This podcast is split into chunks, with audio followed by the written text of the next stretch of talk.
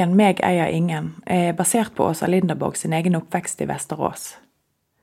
Historien om forholdet mellom far og datter gikk rett i hjertet på mange lesere her i Skandinavia. Den handler om et varmt og kjærlig forhold mellom foreldre og barn, selv om faren er alkoholiker.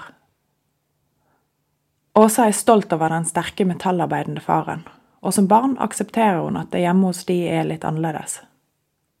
Boken er Åsa Linderborg sin eneste roman så langt.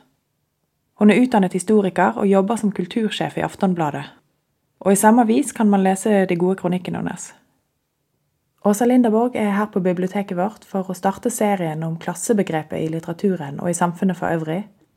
En arrangementsserie som vil gå gjennom 2016. Tack. Jag måste bara ställa en första fråga till er. Har ni sett eh, House of Cards? Hänger ni med i den senaste omgången? Nej, gör det, för det är en studie i klass. Nämligen. Eh, det händer väldigt mycket i tredje omgången. Francis Underwood är ju den här underklasspojken verkligen som tar sig fram och blir president. Och han är gift med en överklasskvinna som heter Frances Dunbar. Och det händer någonting där i hela hans, hela hans jag när han blir hotad av hennes pengar. Det är väldigt, väldigt intressant. Titta på det. Men jag ska inte prata om House of Cards. Jag ska prata om, tänkte jag, i första hand arbetarlitteratur. För det är väl det som eh, intresserar mig egentligen. Inte ska inte säga att det intresserar mig mest, men det är det som jag kan lite grann om eftersom jag är intresserad av klass. Jag är dotter till en metallarbetare. Jag växte upp hos honom eh, på 70-talet i Västerås. Det här med klass i litteraturen är ett sånt stort ämne så jag måste avgränsa mig. Så att jag tänkte att jag ska prata om den traditionella arbetarlitteraturen och jämföra den lite grann med invandrarlitteraturen och förortslitteraturen som kommer nu. Och sen också ställa lite öppna frågor kring en litteratur som jag tänker måste komma med anledning av de här stora förändringarna i arbetslivet som är nu. Både arbetarlitteraturen och, om, vi nu, om jag får använda ordet invandrarlitteraturen, det är ju två grupper som först på 30-talet och sen nu på, på eh, 2000-talet träder fram och säger här är vi. Eh, och vi har en identitet. Eh, vi har en erfarenhet. Det finns en massa olika ting som konstituerar klass och den första är ju naturligtvis bakgrund. Vem är jag? Var är jag född och vilka var mina föräldrar? Och det här är helt centralt för arbetarlitteraturen. Arbetarlitteratur är ju en litterär genre som har arbetet och arbetets villkor i centrum. Men de flesta arbetarförfattare är ju inte längre arbetare själva. De eller vi, om jag får inkludera mig själv där, har ju lämnat vår klass. Vi står inte i industrin, vi arbetar inte som drängar på åken. Vi försörjer oss genom att skriva. Och vi skriver om vår barndom. Hur pappa kommer hem med en svettig skjorta. Eller han kommer inte hem för han har råkat ut för en olycka på sitt arbete. En klassisk scen i den äldre arbetarlitteraturen det är Moa Martinsson som berättar om hur mamman kommer gående på vägen efter en dags arbete i herrgården och hon har skorna i handen. För hon vill inte slita på skosulorna, för det kostar pengar. Och skor är en sån här viktig artefakt. I alla skildringar av enkla människor som arbetar så kommer skorna upp förr eller senare. I Mejeringen finns det ett par skor i hallen när min pappa har dött. Jag beskriver skorna, hur de har stora, stora hål så att han måste ha känt fotsulorna ner mot asfalten för han hade inga pengar att köpa nya skor. Zlatan Ibrahimovic som har, ni vet, fotbollsspelaren. Fantastisk arbetarlitteratur. Han berättar hur han stal sina fotbollsskor vid fruktdisken på Konsum. Som fotbollsspelare behövde han ju ha skor, men det är något väldigt symboliskt med skorna. Knut Hamsun var inte arbetarförfattare, men han visste ändå någonting om enklare förhållanden från början. Jag vet inte hur många skor som finns i Hamsuns författarskap. Arbetarlitteraturen, det är barnet som ser sina föräldrar komma hem från arbetet. Man ser dem räkna pengar. Man ser dem somna på kvällen med verk i kroppen. Kroppen är ju helt central i arbetarlitteraturen. När Moa Martinsson berättar om kvinnorna som tvättar sig, som vaskar sig, så är det en helt ny scen. Det har aldrig beskrivits förut, kvinnor som vaskar sig på det viset efter arbetet. Men det här är ju typiskt för arbetarlitteraturen. Den skönlitteratur som är skriven av medelklassen är inte alls upptagna av föräldrarna på samma sätt. Kanske för att föräldrarnas yrken och livsvillkor inte präglar dem riktigt lika mycket. Man är friare att välja själv vad man vill göra med sitt liv. Man till och med uppmuntras att göra någonting eget. I medelklassen räknar man inte pengarna på köksbordet. Men jag tror att det kommer att komma en litteratur som är skildringar av föräldrar som sitter med sina räkningar och sina amorteringar och sina räntor. De sitter tillsammans och tittar på skärmarna.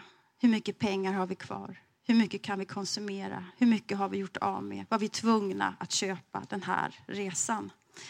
Medelklassens längtan efter att visa att man har råd och så har man inte råd. Det tror jag är skildringar som kommer att komma i framtiden. Den nya invandrarlitteraturen den är ganska stark i Sverige. Den har självklart föräldrarna i centrum på samma sätt. Min pappa kom från Jugoslavien 1992. Mina föräldrar kom från Iran 1980. Föräldrarna är helt, helt avgörande för sättningen av berättelsen.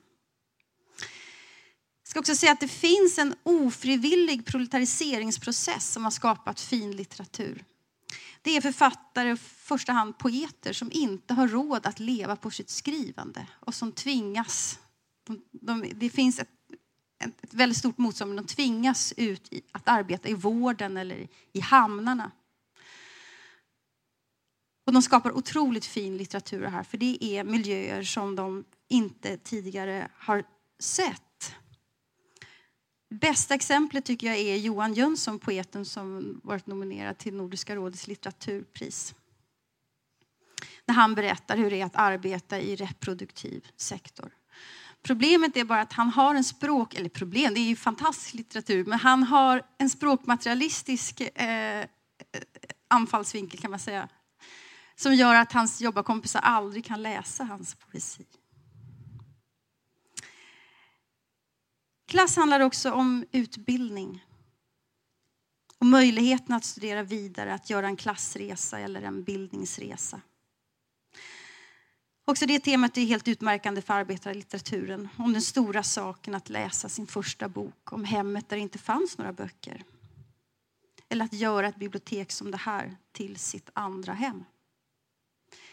Läraren som ser att man har ett läshuvud. Prästen som försöker övertyga föräldrarna att den här gutten må studera vidare. Litteraturen är full av stolta föräldrar. Men också föräldrar som inte tycker att man ska göra sig märkvärdig. Som inte förstår vad utbildningen går ut på. Klassresan är ett ämne som vi har pratat om så mycket genom de senaste 20 åren. Man kanske inte behöver gå in på det så mycket. Men en viktig sak som ändå konstituerar hela efterkrigstiden i Norden det är ju möjligheten att göra en klassresa. Jag tror att snart kommer berättelserna om de som tvingas göra en klassresa åt det andra hållet. Snart kommer romanen som börjar med meningen I Syrien var min pappa tandläkare och sen kom vi till Norge och han blev taxichaufför. Eller? Min mamma hon arbetade på ett företag som la ner. Men då sa Arbetsförmedlingen att hon skulle få ett litet bidrag för att bli egen företagare. För att vara egen företagare, det är tidens melodi. Så hon öppnade en liten butik som sålde tvålar och smycken. Men det fungerade inte, så hon blev arbetslös och deprimerad och kom aldrig tillbaka. Och det finns en roman som måste komma. Den om Stavanger 2016. Om männen som inte längre har en oljeplattform att gå till, som plötsligt har blivit arbetslösa och står där med ett stort hus som han inte längre kan betala. Vad händer med ett samhälle som är, eller har varit Nordens Dubai? Och plötsligt befolkas av arbetslösa män utan självförtroende. Klass handlar väldigt mycket om just självförtroende. Man har självförtroende eller man har inte självförtroende. Och det är naturligtvis klassöverskridande. Det kan alla människor ha oavsett varifrån man kommer. Men bristen på självförtroende är strukturellt inom arbetarklassen. För medelklassen är det nästan alltid självklart att man ska läsa på universitet. Man vet på ett ungefär att man kan göra karriär, att man kan få ett jobb som man trivs med, att man kan byta jobb om man inte trivs. Man vet hur man ska bete sig i olika situationer. Hur man ska vara klädd, hur man ska hälsa, hur man ska skåla på, med professorn när man sitter där på disputationsmiddagen. Att mangla självförtroende, att som klassresenär göra fel i en rad situationer, det är ett självklart tema i arbetarlitteraturen. Det finns hos icke-privilegierade en strukturell känsla av att vara mindervärdig. Och mycket av den känslan sitter i kroppen. Den sitter direkt i munnen. Om äldre arbetarlitteratur handlade om trasiga skor så tror jag att den nyare arbetarlitteraturen kommer att handla om trasiga tänder. Som min pappas mun till exempel.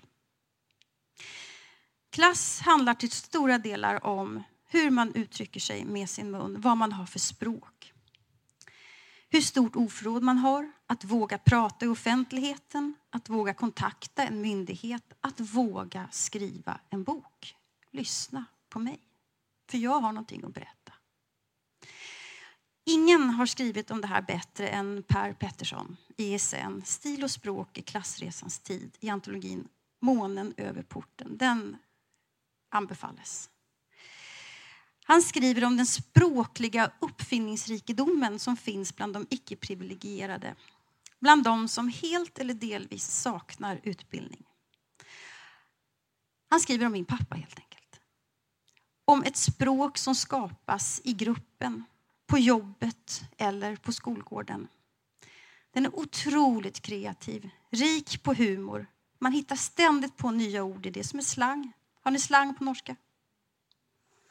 Det är en subkultur som bara talas av dem som är inkluderade.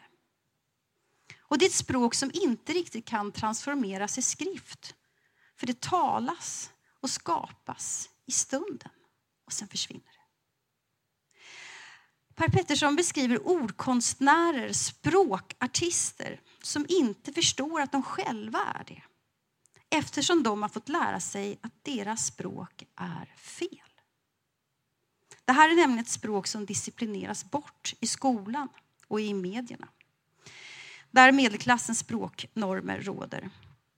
Av läraren får man lära sig att så där kan man inte säga, så där kan man inte skriva. Så på skolgården har man ett språk och i klassrummet måste man lära sig ett annat. Det blir apartheid i huvudet, skriver Per Pettersson du har inte rätt att tala eller skriva offentligt för ditt språk duger inte. Dig kommer ingen att lyssna på. Återigen ett par ord om den nya arbetarlitteraturen. I Sverige, eller om jag säger så här, i Norge så är dialekter en självklar sak för ni är tvåspråkiga här. Det är vi inte i Sverige utan vi har ju en rikssvenska som alla skriver på.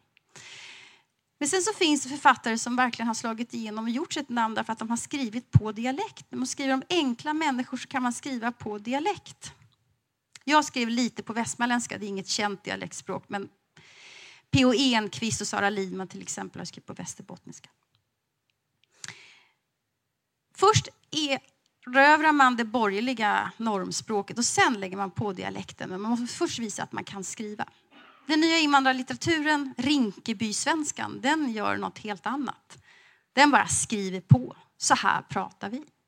Och ger oss ett helt nytt ordförråd. Klass handlar också om kön. Majoriteten av, arbetarklassens kvinnor, äh, av arbetarklassen består av kvinnor. De arbetar inom vården, i affärerna, de städar och arbetar i barnehagen. De här kvinnorna har fått en försämrad löneutveckling och försämrade arbetsvillkor de senaste tio åren i hela Europa. Alla andra kvinnor får en ökad, eller alla andra grupper ska säga, har fått en ökad medellivslängd men inte kvinnorna i LO-kollektivet. Nu pratar jag om Sverige, jag vet inte hur det är i Norge. Deras medellivslängd står och stampar. Hur kommer det sig? Svaret är att man arbetar mer idag än tidigare.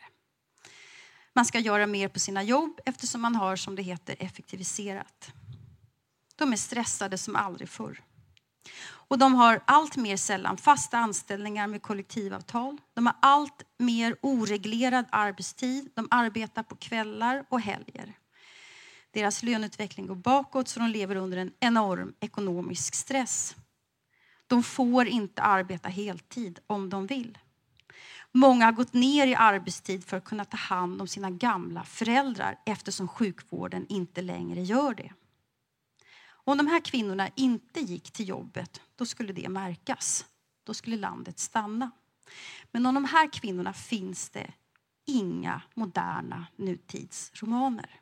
Det finns inga diktverk. Arbetarklassens innersta kärna har ingen nutida skildrare. Arbetarlitteraturen har alltid dominerats av männen. När välfärdsstaten trädde fram, då var det männen som skrev om segrarna, om framgången, om framtiden. När välfärdsstaten håller på att vittra sönder, då är det kvinnorna som kommer fram och skriver och sopar ihop känslorna. Därför var det sensationellt när Maja Ekelöf 1970 skrev den banbrytande boken Rapport från en golfspann. Om hur hon på kvällarna lämnade hemmet för att städa på en bank. Idag i Sverige har vi, det måste ni ha här också, en massa kvinnor som städar medelklassens hem på dagarna. Och på kvällarna så städar de barnhager och banker. De arbetar så mycket att deras barn ibland säger att stanna hemma mamma. Jag kan städa barnhagen istället för dig. Jag gör det i mörkret. I det tysta har vi i Sverige fått barnarbetskraft. Deras mödrar skriver inga böcker men jag hoppas att de här barnen sätter sig ner och berättar sin historia. Ett par ord om feminismen som är en mycket stark trend i Sverige. Svensk litteratur. Den har alltid varit medelklassdominerad. Men ämnena har skiftat från tid till tid. Och på 70-talet så handlade den feministiska skönlitteraturen om det självförtroende som kvinnor fick av att komma ut på arbetsmarknaden. Offentlig sektor växte, kvinnor fick arbete. Man kunde skapa sig sina egna liv. Man kunde skilja sig om man var olycklig. Skilsmässan tillhör ju moderniteten. Idag börjar det bli en politisk fråga igen att ha råd att skilja sig. Om man inte har fast jobb, och man sitter fastflätad med någon annan på grund av att man äger sin lägenhet ihop. Man har räntor, man har amorteringar, man har stora lån. Det finns inte bostäder till alla. Då är det svårare att skilja sig. Jag vet inte hur många romaner som skrevs på 70-talet som handlade om det här. Att det privata var politiskt, det var en kollektiv erfarenhet och kamp. När medelklassens kvinnor tog strid så för sig själva så gjorde de det också för arbetarklassen. Idag handlar den feministiska litteraturen mer om kroppen och könet och sexualiteten. Min kropp, min kön, mitt kön och min sexualitet och min identitet. Om 70-talet handlade den feministiska litteraturen väldigt mycket om hur ska familjen vara uppbyggd och hur mycket ska mannen hjälpa till och vad är mannens roll i det här? Och svaret på det var en manlig litteratur som vittnade om en djup identitetskris. Idag handlar mycket av den feministiska litteraturen om att mannen i sig är ett problem. Inte bara patriarkatet utan att män. Nu pratar jag om Sverige. Ni får invända och säga att det är annat här. Jag pratade med Berit här alldeles precis innan om Kerstin Thorvall som på 70-talet skriver Det mest förbjudna. Jag är en dålig dotter, jag är en dålig mamma, jag är en dålig hustru. Och hon blev så fullständigt utskälld, så där får man inte skriva. Och det där var för naket och där, det där var för intimt. Och åh, vad hon gjorde bort sig. Hon blev helt utskälld när man läser Knausgård, som jag ju tycker är väldigt, väldigt bra. Men det handlar ju om samma sak, fast från ett manligt perspektiv. Han blir inte utskälld. Men det har hänt också mycket kan man säga. Men det handlar om kön också. Klass handlar såklart också om lön och inkomst och möjligheten att leva ett gott liv. Att ha råd att bo bra, att resa, att kunna gå till tandläkaren. Inkomstklyftorna växer i hela världen. Det är en konsekvens av den här nyliberala politiken som sjunger lönespridningens evangelium. Där de som tjänar mest får de största skattesänkningarna. Sverige är enligt OECD det land där klassklyftorna växer snabbast. Vi har haft åtta år av den skattesänkningspolitik som ni nu har påbörjat. En svensk arbetarkvinna, enligt en undersökning som kom förra veckan, tjänar i snitt 16 500 kronor före skatt i månaden om man har rätt att jobba heltid. Det här är siffror som medelklassen inte tror på, för de är så sensationella. Kan man överleva på en sån låg lön? 1,4 miljoner svenskar lever i relativ fattigdom. Det vill säga de har en inkomst som är 60 procent av medianinkomsten. Den siffran har fördubblats på tio år. Och de flesta av de här är inte, som man kan tro, asylsökande. Det är människor som har bott i Sverige i hela sitt liv. Och många av dem är pensionärer. Vi har ett pensionssystem sedan 15 år tillbaka i Sverige som har skapat enorma kohorter av fattigpensionärer. Ni är på väg att införa samma sak. Om de här pensionärerna finns det ingen litteratur, men det måste ju komma. Det måste ju komma barnen som beskriver föräldrarna. Alltså fattigdomen på ålderdomen. De böckerna kommer att komma.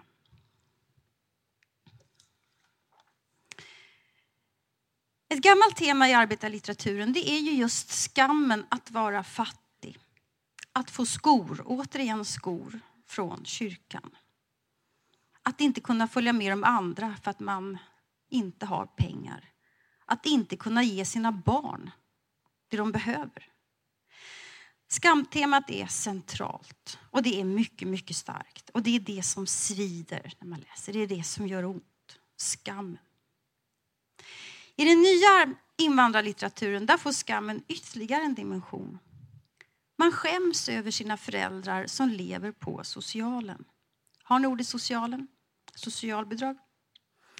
Man skäms över föräldrarna för att de inte pratar svenska eller norska. Man skäms över att tillhöra en kultur eller religion som förbjuder en att bära kort kjol. Skamtemat kommer tillbaka, men har andra, handlar om andra saker. Medelklassens skönlitteratur, det vill säga den litterära normen, den handlar ofta inte om brist på pengar utan den handlar om motsatsen, om konsumtionshetsen. Att vi shoppar för mycket.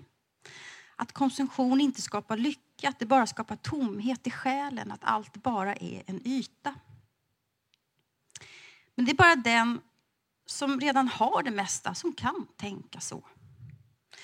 All arbetarlitteratur och all invandrarlitteratur från de fattiga förorterna handlar har åtminstone en passage som handlar om lyckan över att få en cykel ett par skor, en kostym till konfirmationen, en ny soffa.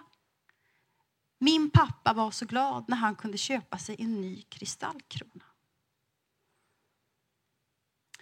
En fantastisk scen det är när Zlatan Ibrahimovic och hans pappa tar sig till Ikea för att han ska få en säng. Men de har inte råd att köra hem den här sängen så pappan bär sängen 1,2 mil på ryggen. Det är en fantastisk historia. Visst finns det de som konsumerar för mycket, men det finns också de som borde handla mycket mer.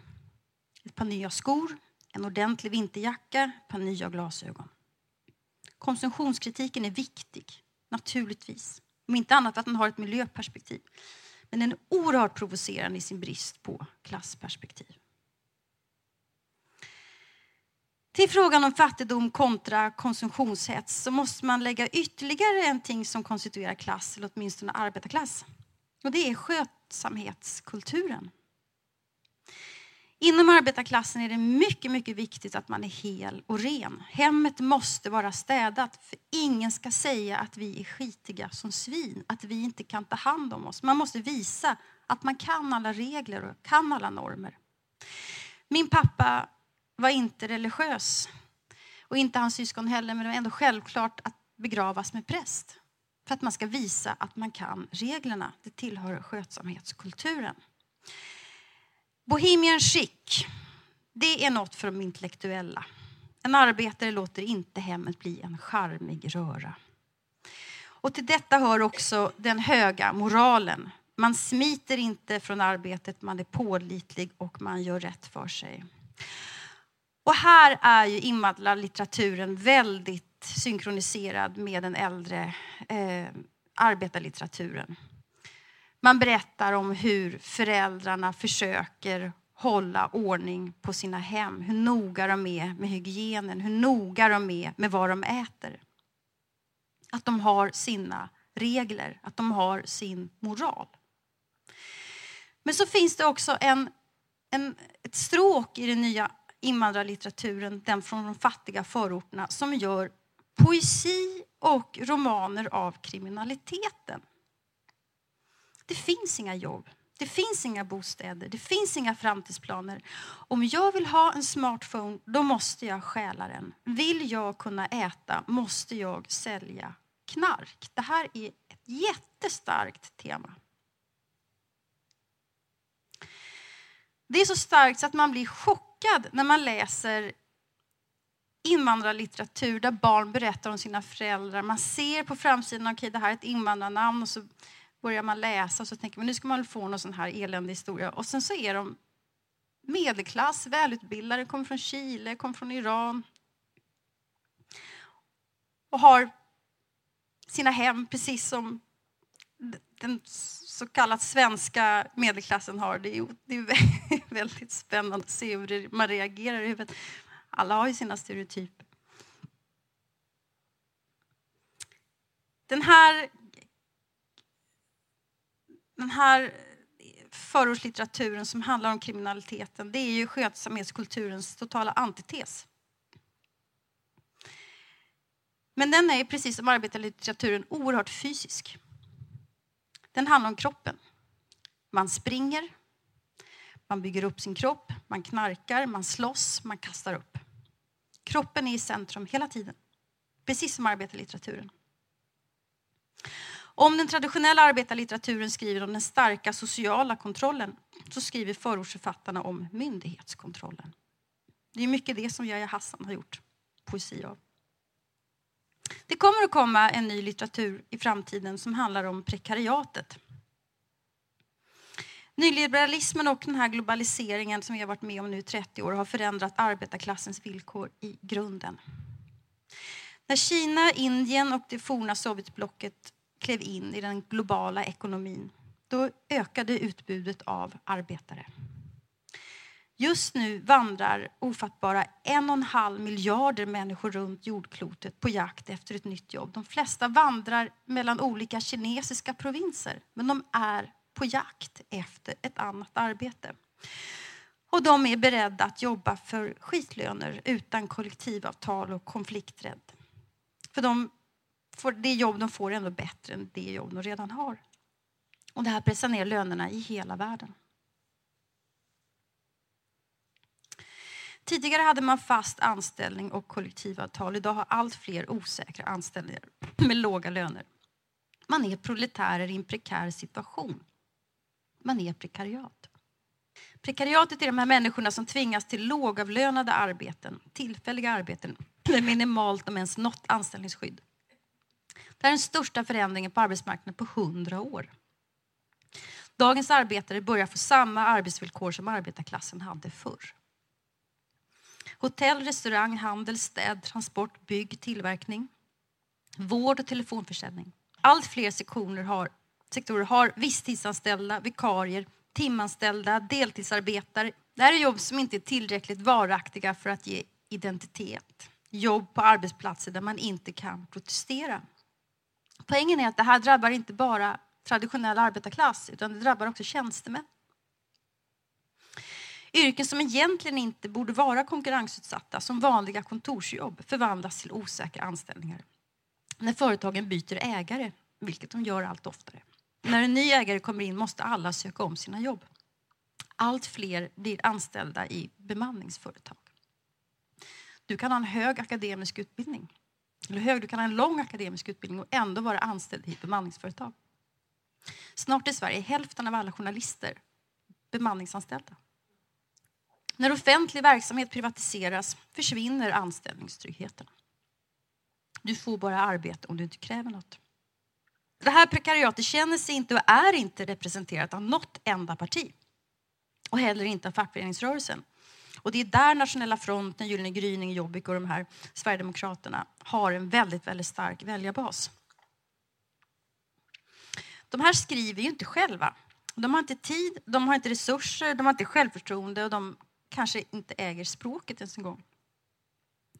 Men de finns ofta i medelklassens romankonst. Men inte som de arbetare de är, utan som flyktingar. Den antirasistiska medelklassen skriver med hjärtat fullt. Den goda viljan flödar över sidorna om hur viktigt det är med asyl och mångkultur. Och det tycker ju jag också, det vet ju ni. Det är prosastycken som predikar att vi måste vara toleranta människor. Man rasar av ilska mot ett ord som negerboll. Man får inte säga neger. Man stannar vid symbolfrågorna. Man vet ingenting om invandrarnas arbetsliv, om deras fattigdom som ju är viktigare än det här förhatliga n-ordet. Och man vet ännu mindre att de här invandrarna delar samma ekonomiska öde som många infödda medborgare som också arbetar för skitlöner utan några rättigheter. Den antirasistiska medelklassen som jag själv tillhör har en fantastisk blick för hudfärg, men inte för klass. Kort sagt, arbete och arbetets villkor är en icke-fråga i samtidslitteraturen. Man kan skriva om stress, man kan skriva om depression, man kan skriva om konsumtion, om normkritik, civilisationskritik. Allt det där finns. Men inte arbete i sig och arbetets vardag. Det är så otroligt mycket som formar klass. Men först som sist så är ju klass en fråga om makt. Vem har resurser att påverka sitt arbete, sitt liv, politiken, samhället vi bor i? Människor har aldrig känt sig så maktlösa som nu. Och mycket av den här maktlösheten tror jag har att göra med att man inte känner sig representerad ens i litteraturen. Men det finns en ting som de icke-privilegierade aldrig kan bli fråntagna och det är ju drömmarna. Drömmen om någonting annat.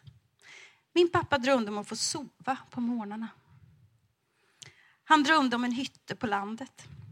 Barnen drömmer om att bli någonting annat än föräldrarna. Att få en chans till frigörelse. Maxim Gorkis magnifika arbete heter Ut i världen. Anders Nexus skrev om Pelé-erövraren som packade en ränsel och drog ut i världen. Idag har vi massa flyktingbarn som vill eller måste ta sig ut i världen. De som lämnar sitt ursprung de drabbas av stora smärtor. Skuldkänslor gentemot dem som man har lämnat kvar. Det är ett typiskt tema i den här litteraturen. Man längtar efter stenar där barn man lekt. Eller som Johan Falkberget skrev. Jag har suttit mellan ruinerna på Forum Romanum och önskat mig hem till eldhuset nord vid Rugelsjön. Man längtar till naturen. Arbetarlitteraturen är ju en rörelse från stad in till land. Man längtar till naturen. Även den nya invandrarlitteraturen handlar mycket om detta, längtan tillbaka till byn. Min mamma satt i köket och längtade till byn i Kurdistan. Avslutningsvis, det är medelklassen som är normen i litteraturen, så har det alltid varit. Det är inget fel med det egentligen, medelklassen kan skriva. Men arbetslivet genomgår nu så stora förändringar att vi har ett akut behov av nya berättelser om arbete och klass, om försörjning. Skrivna av de människor som lever under helt andra villkor än den generation som växte upp när välfärdsstaten byggdes. Vi har väntat väldigt länge på att det nya klassamhället ska ge oss en ny litteratur och det är helt nödvändigt för klasskillnaderna är så stora så att vi inte längre känner varandra eller förstår varandra, knappt kan prata med varandra. Och det är där som litteraturen har en uppgift. Litteraturens uppgift är att berätta om okända världar och lära varandra känna nya människor. Nätet är ju en fantastisk källa för människor att berätta sina livshistorier och det gör de ju också. Och vissa kan verkligen skriva.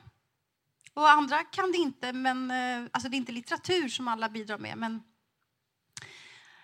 det är en fantastisk sak att alla kan berätta sin historia. Men det handlar ju om att någon ska fånga upp de här historierna och se att det här är en sån litteratur så att vi kan liksom sprida det som i bokform.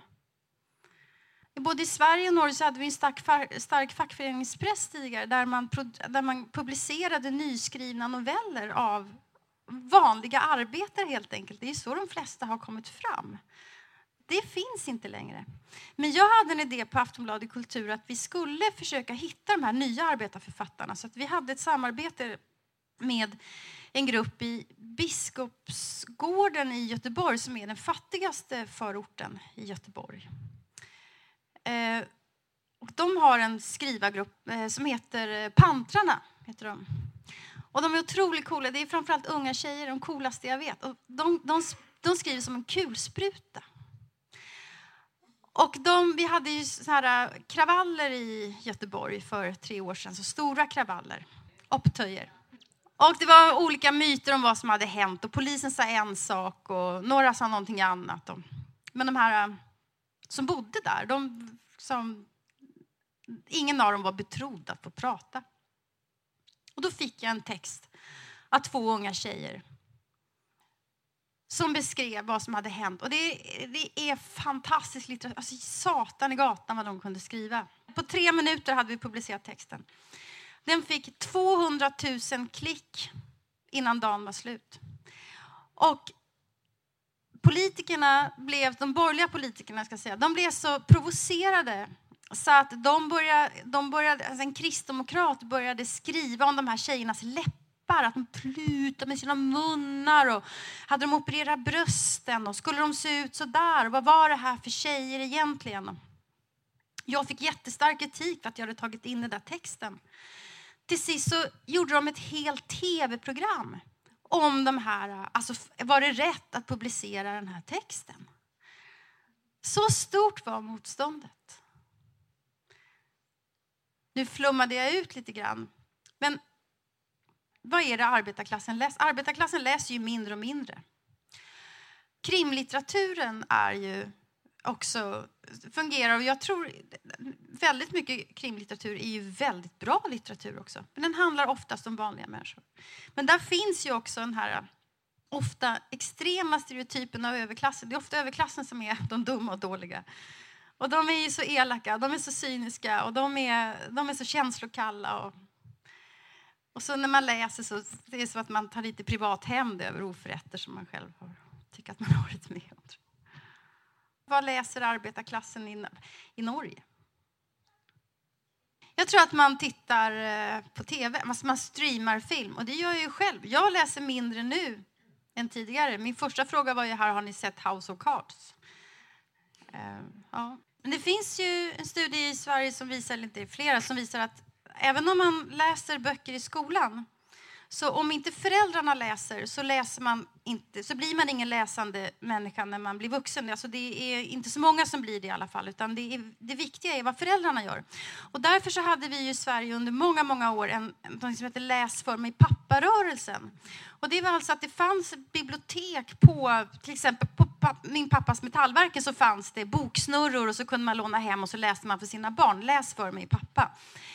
Eh, vi hade också någonting som heter vägkrogsbibliotek. Alltså lastbilschaufförer kunde stanna och äta mat och sen så kunde de låna sig en ljudbok som de kunde lyssna på.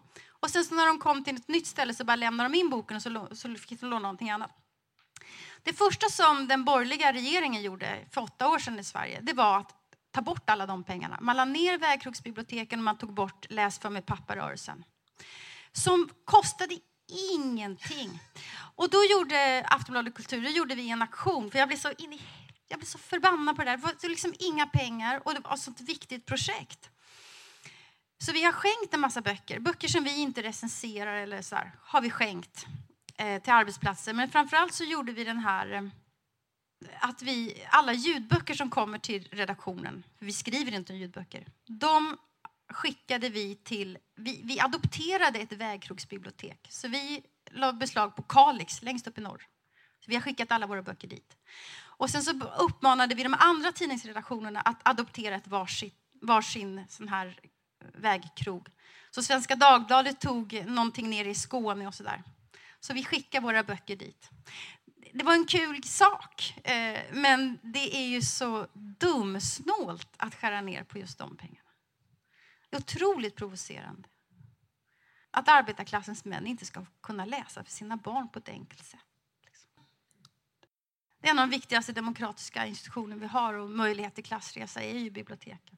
Men i Sverige så har vi en ganska infekterad debatt just nu om, om biblioteken. Vem har rätt att vara på biblioteken? Hur ska man bete sig på ett bibliotek?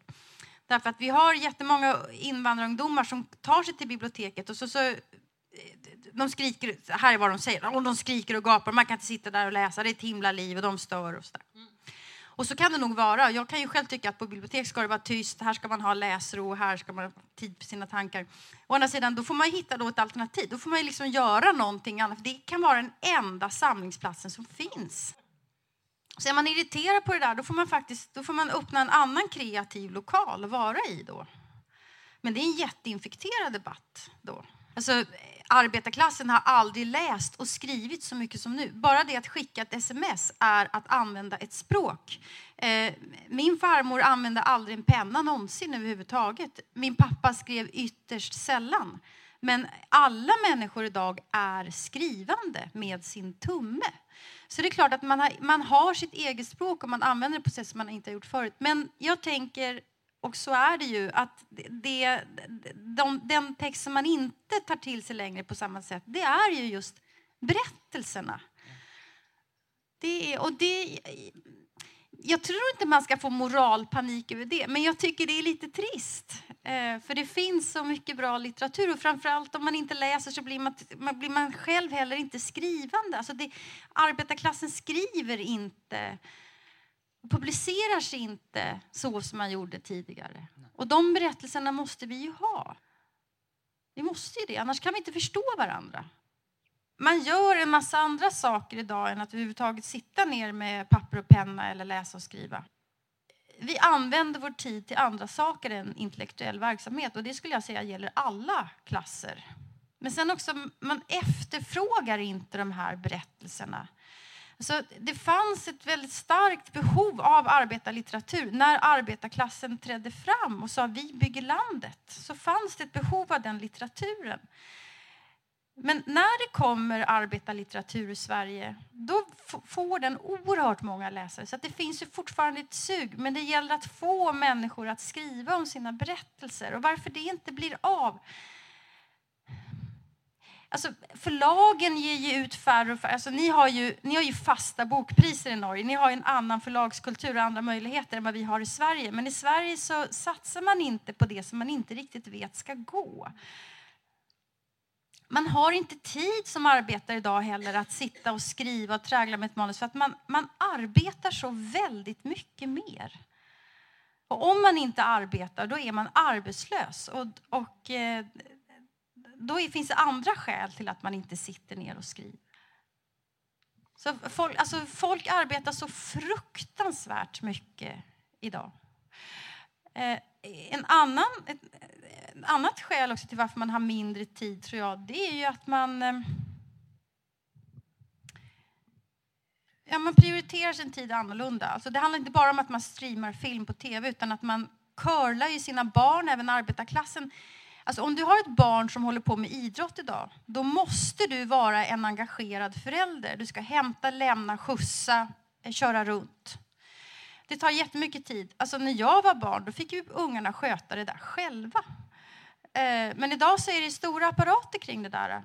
Eh, ett annat fritidsnöje som man har idag som man inte hade på 70-talet det är ju faktiskt att shoppa. Så även om du inte handlar så åker du ut till de här stora köp Centrumen. Du tar bilen och åker iväg och sen så ägnar du en söndag åt att gå runt och bara titta på saker. Eh, det tar tid. Alltså, även om du inte konsumerar så, så tar konsumtionssamhället, som vi alla lever i, tid. Det starkt, så vad är det arbetarklassen vill ha? Jo, arbetarklassen vill ha verkliga historier. De vill liksom ha sanna berättelser. Vill de ha. Om arbetarlitteraturen på 30-talet vände sig till eh, hela samhället och hade också arbetarklassen som läsare med läsecirklar och ABF och hela arbetarrörelsen hade ju liksom sin litteratur. Så skulle jag nog säga att mycket av den arbetarlitteratur som skrivs idag den riktar sig till medelklassen för att tala om vi finns. Det här är vi, det här måste ni lära er någonting om.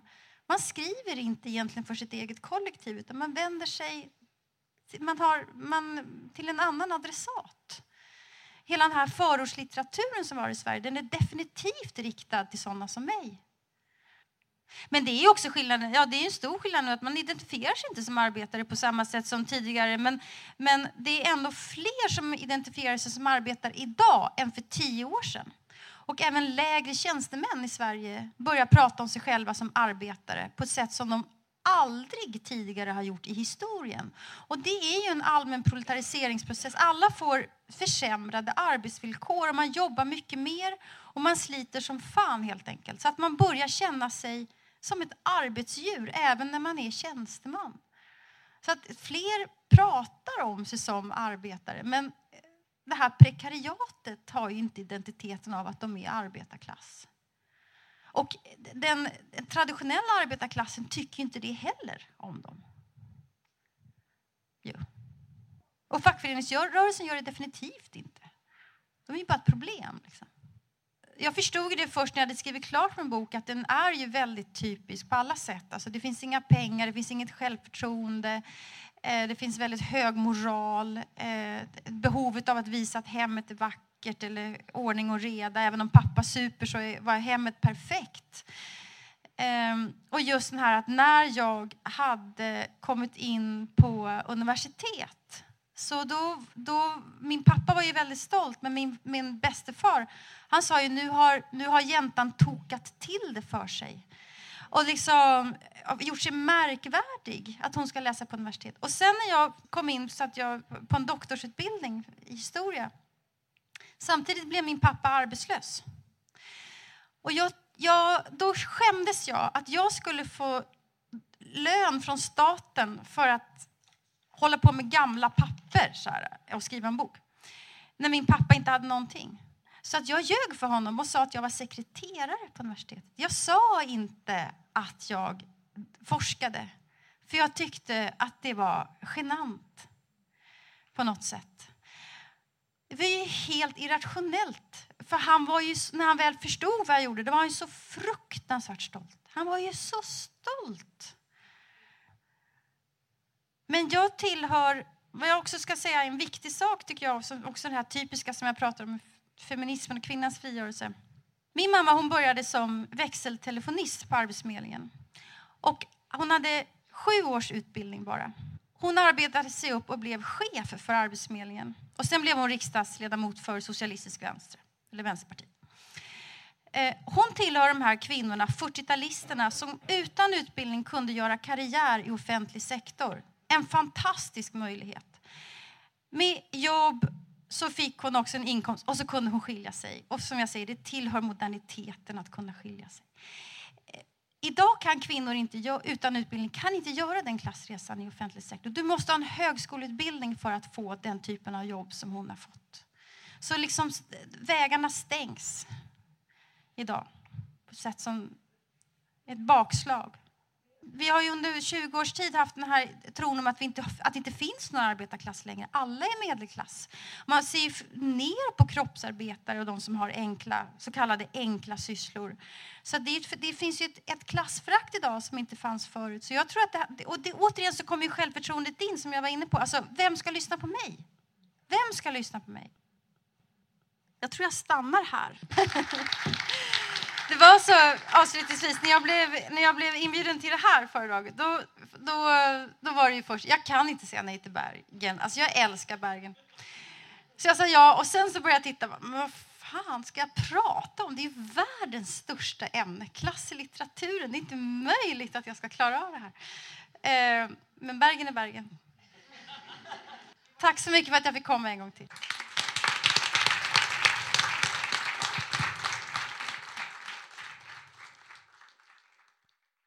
Du har lyttet til en podkast fra Bergen offentlige bibliotek.